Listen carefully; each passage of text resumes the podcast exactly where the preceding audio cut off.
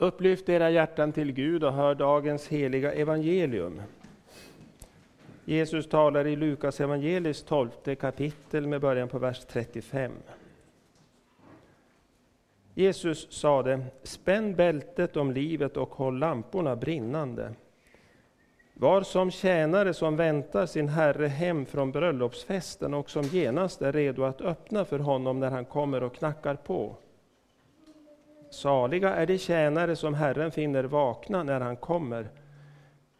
Jag säger er sanningen, han ska fästa upp sina kläder och låta dem lägga sig till bords och själv komma och betjäna dem. Saliga är de han finner vakna, även om han skulle komma mitt i natten eller på småtimmarna. Men det förstår ni att om husägaren hade vetat när tjuven kom, då hade han inte låtit någon bryta sig in i hans hus. Var beredda också ni, för Människosonen kommer när ni inte väntar det. Så lyder det heliga evangeliet. Lovad vare du, Kristus. Nåd vare med er och frid ifrån Gud, vår Far och Herren Jesus Kristus. Låt oss tacka och be. Tack käre Herre Jesus Kristus, du vår och hela världens frälsare, för att du den här stunden vill dra oss alla till dig. Vi ber att du öppnar ditt ord för våra hjärtan. Vi ber om din helige Ande till oss och till de som lyssnar på gudstjänster överallt i vårt land och andra länder idag. Låt ditt rike komma. Det ber vi om i ditt namn. Amen.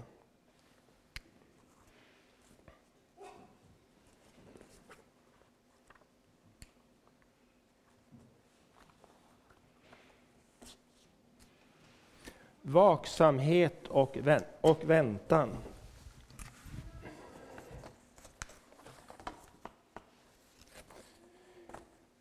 Vaksamhet och väntan, det är ju någonting som är viktigt också i andra sammanhang. Det är det till exempel i krigstider.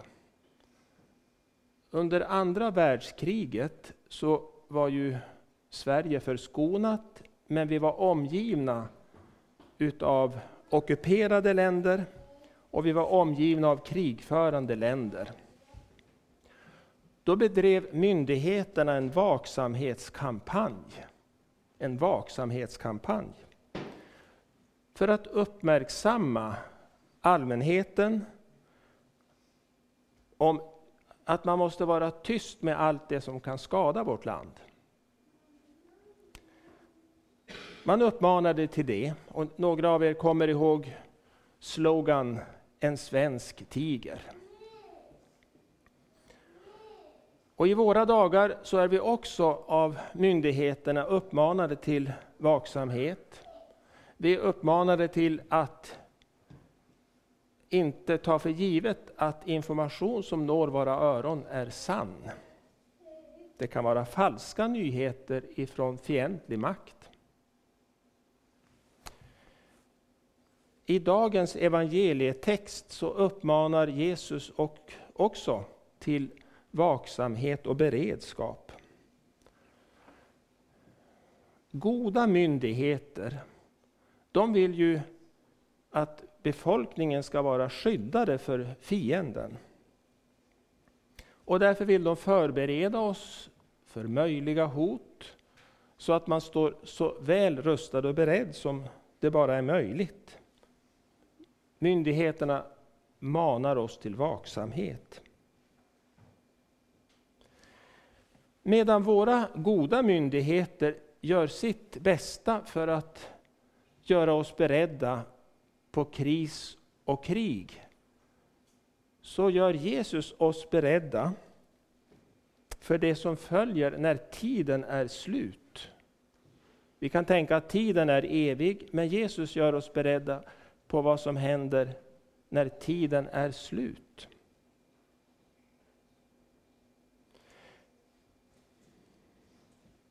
Jesus han vill göra oss beredda på något ännu viktigare än på våra fiender i andra länder. Han vill göra oss beredda på det som ligger bakom terror, det som ligger bakom onda ledare och onda beslut, det som ligger bakom kriminalitet. Det som ligger bakom allt ont på jorden vill Jesus göra oss beredda för. Och det som ligger bakom allt ont här i världen, Jesus lär oss be fräls oss ifrån ondo. Det som ligger bakom allt ont här i världen, det är, säger Jesus och Bibeln, det är djävulen. Och därför så är det viktigt att vi får tillförlitlig information om vår fiende nummer ett. När vi tänker på fiende, fienden, när jag tänker på fienden, så tänker jag på auktoritära ledare som Hitler och Putin. Men Bibeln säger, vi strider inte mot kött eller blod, utan mot förstar och väldigheter och världshärskare här i mörkret, mot ondskans andemakter i himlarna. Efesierbrevet 6, vers 12. Vi har inte makt över onda auktoritära ledare. Inte alls. Och vi har ännu mindre makt över djävulen. Två egenskaper hos djävulen och hans efterföljare kan vi lägga på minnet. Det kan vara bra att vara rustad med två viktiga egenskaper hos djävulen. Den ena är att han är en mördare. Och det andra är att han är en lögnare. Vi lägger det på minnet i den här striden. Men Jesus har makten. Han har makten i världen.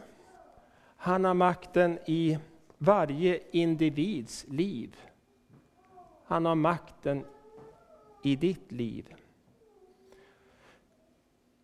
Det står mycket om det. Till exempel i första Tim 6.15. Jesus är den salige, ende härskaren, konungarnas konung och herrarnas herre.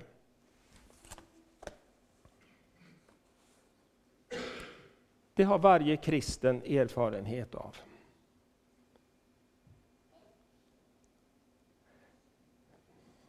Det står i Kolosserbrevets första kapitel, vers 13 14. Han har frälst oss från mörkrets välde och fört oss in i sin älskade Sons rike. I honom är vi friköpta och har förlåtelse för våra synder. I älskade Sonens rike så är det några fler som är älskade. Och det är vi som befinner oss där inne. Vi är Guds älskade barn. Hur kan vi vara säkra på det? Jo, därför att vi har förlåtelse för våra synder. Vi är fullvärdiga medborgare i Guds Sons rike, i älskade Sonens rike, för vi har syndernas förlåtelse i honom. Vi är friköpta i honom. Så därför kan du vara lugn, trots att du erfar att du också har del av det onda i världen.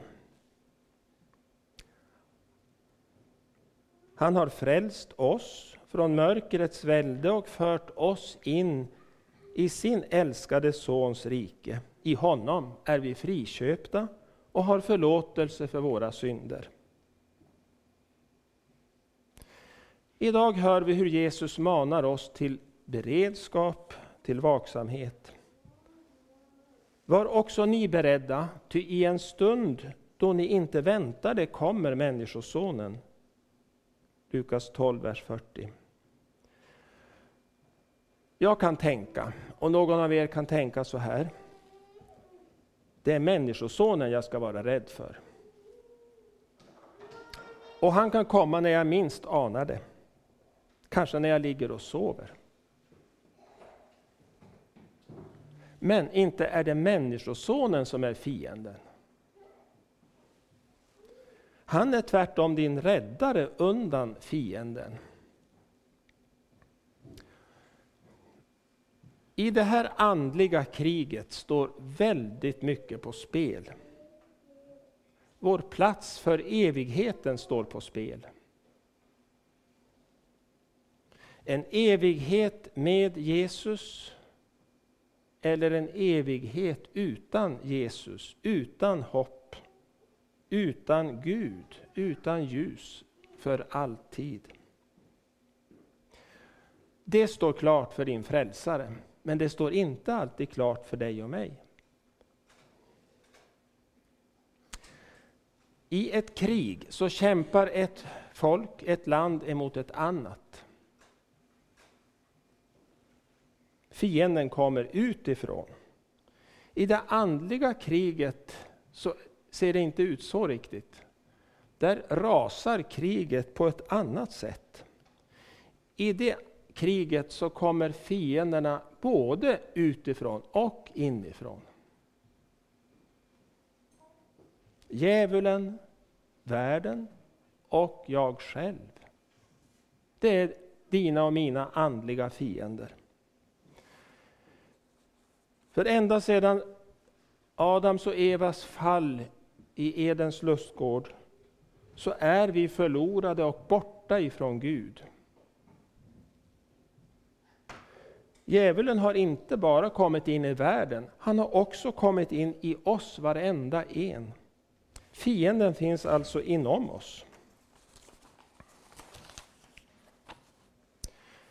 Kanske tänker inte vi så mycket på de här fienderna.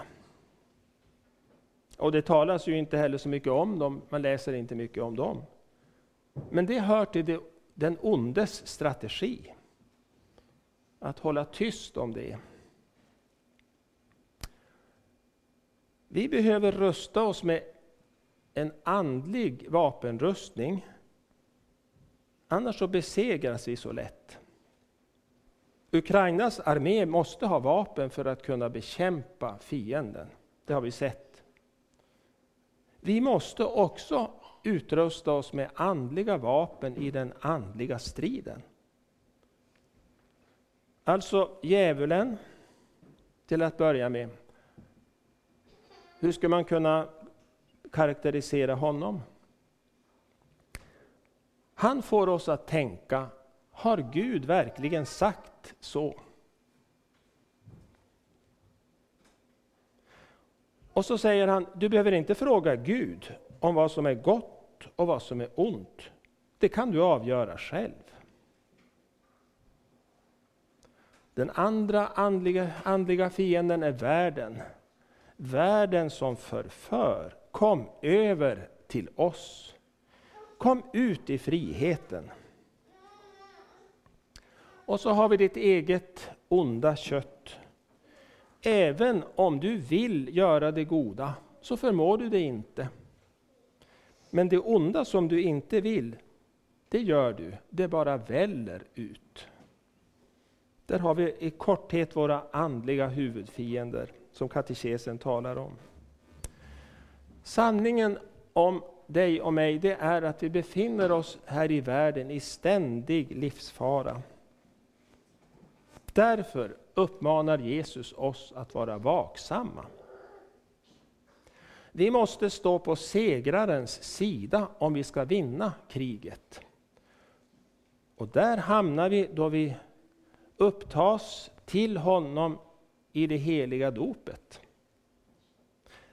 I det heliga dopet döps vi till hans död och där uppstår vi med honom till en lika uppståndelse, står det. Så mycket betyder dopet. Hos honom blir vi kvar genom tron på honom. Alldeles utan egna bidrag av goda gärningar. Striden på jorden har ett slutdatum. En sluttimme.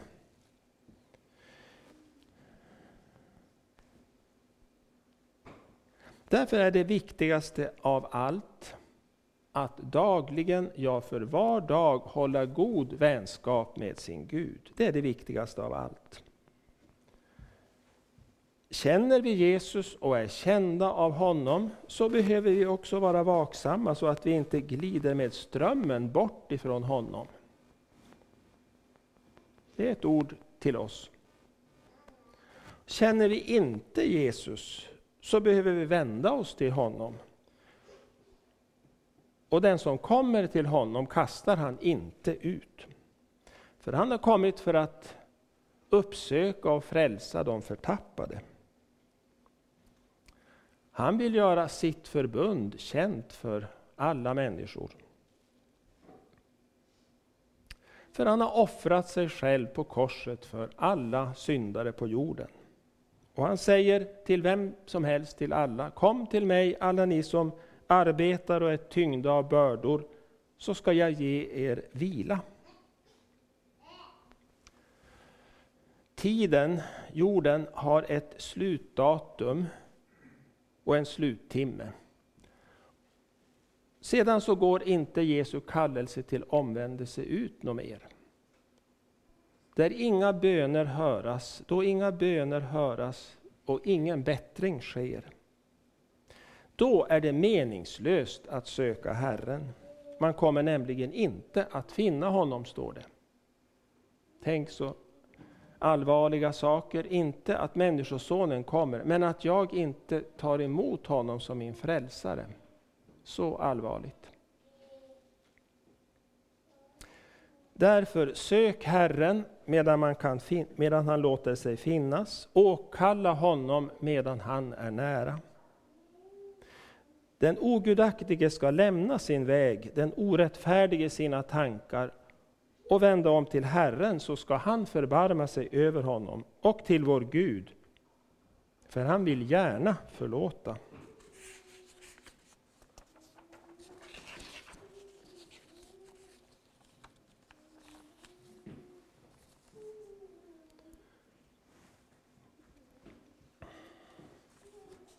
Och så fortsätter vi Lukas 12, 35-36.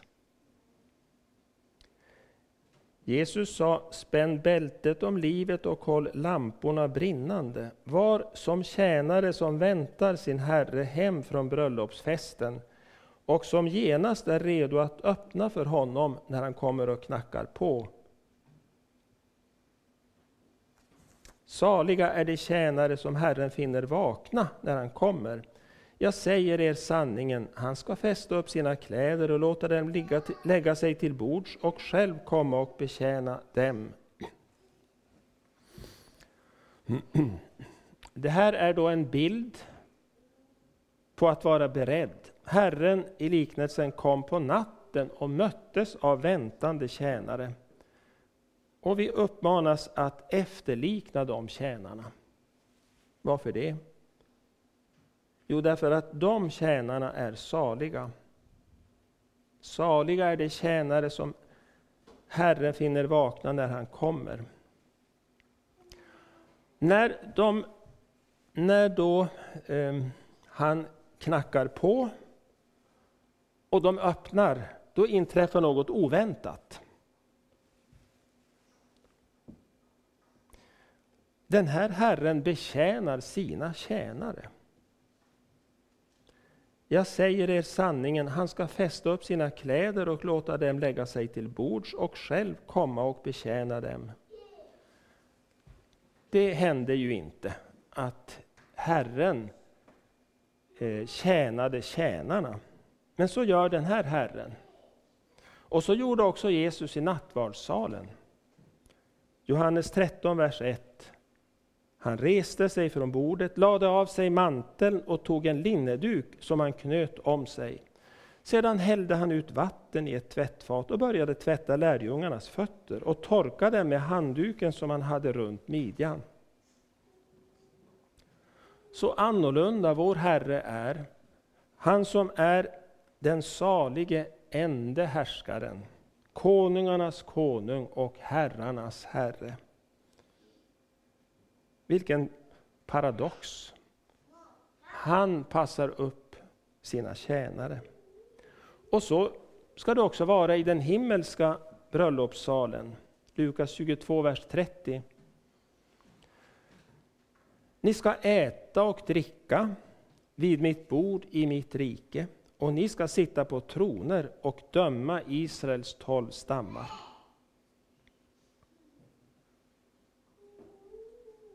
Så den tanken att vi ska vara rädda för Människosonen, det är en orätt tanke. Slutsatsen måste vara, inte är det Människosonen som vi ska vara rädda för. För han är vår räddare, han är vår frälsare undan allt det onda här i tiden och i evigheten. Säger Bibeln mer om hur man är vakande och beredd? Den säger att vi ska leva i ljuset. Ni är alla ljusets och dagens barn. Vi tillhör inte natten eller mörkret. Låt oss därför inte sova som de andra, utan hålla oss vakna och nyktra. Första Tess 5. Vi får dra fram i ljuset alla våra synder, det som just är mina synder, inför Gud, bekänna dem öppet och ärligt.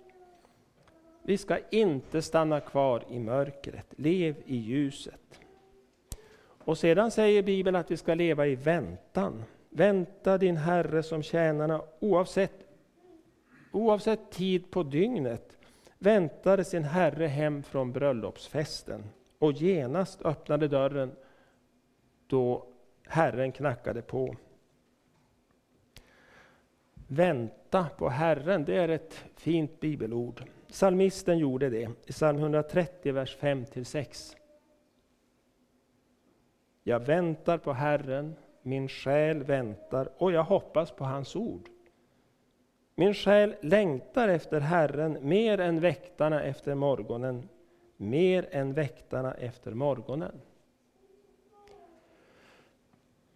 Och så står det att vi ska göra motstånd emot fienden. Gör motstånd mot djävulen genom vad då? Vad har vi att komma emot huvudfienden? Gör motstånd mot djävulen genom en orubblig tro. Var nyktra och vaksamma. Er motståndare djävulen går omkring som ett rytande lejon och söker efter vem han ska sluka. Gör motstånd mot honom, orubbliga i tron. Jag tänker att vi behöver lita på Gud i alla livets prövningar. Lita på att han har hört vår bön och lita på att han har makten. Det han har lovat, det håller han.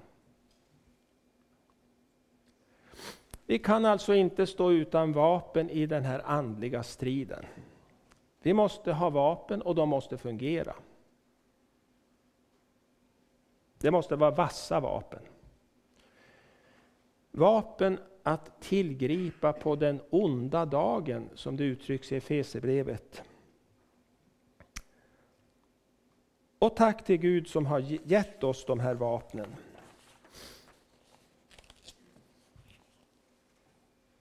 Och om vår andliga vapenrustning står det ju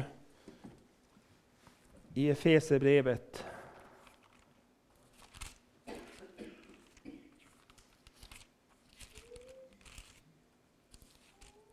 i det sjätte kapitlet.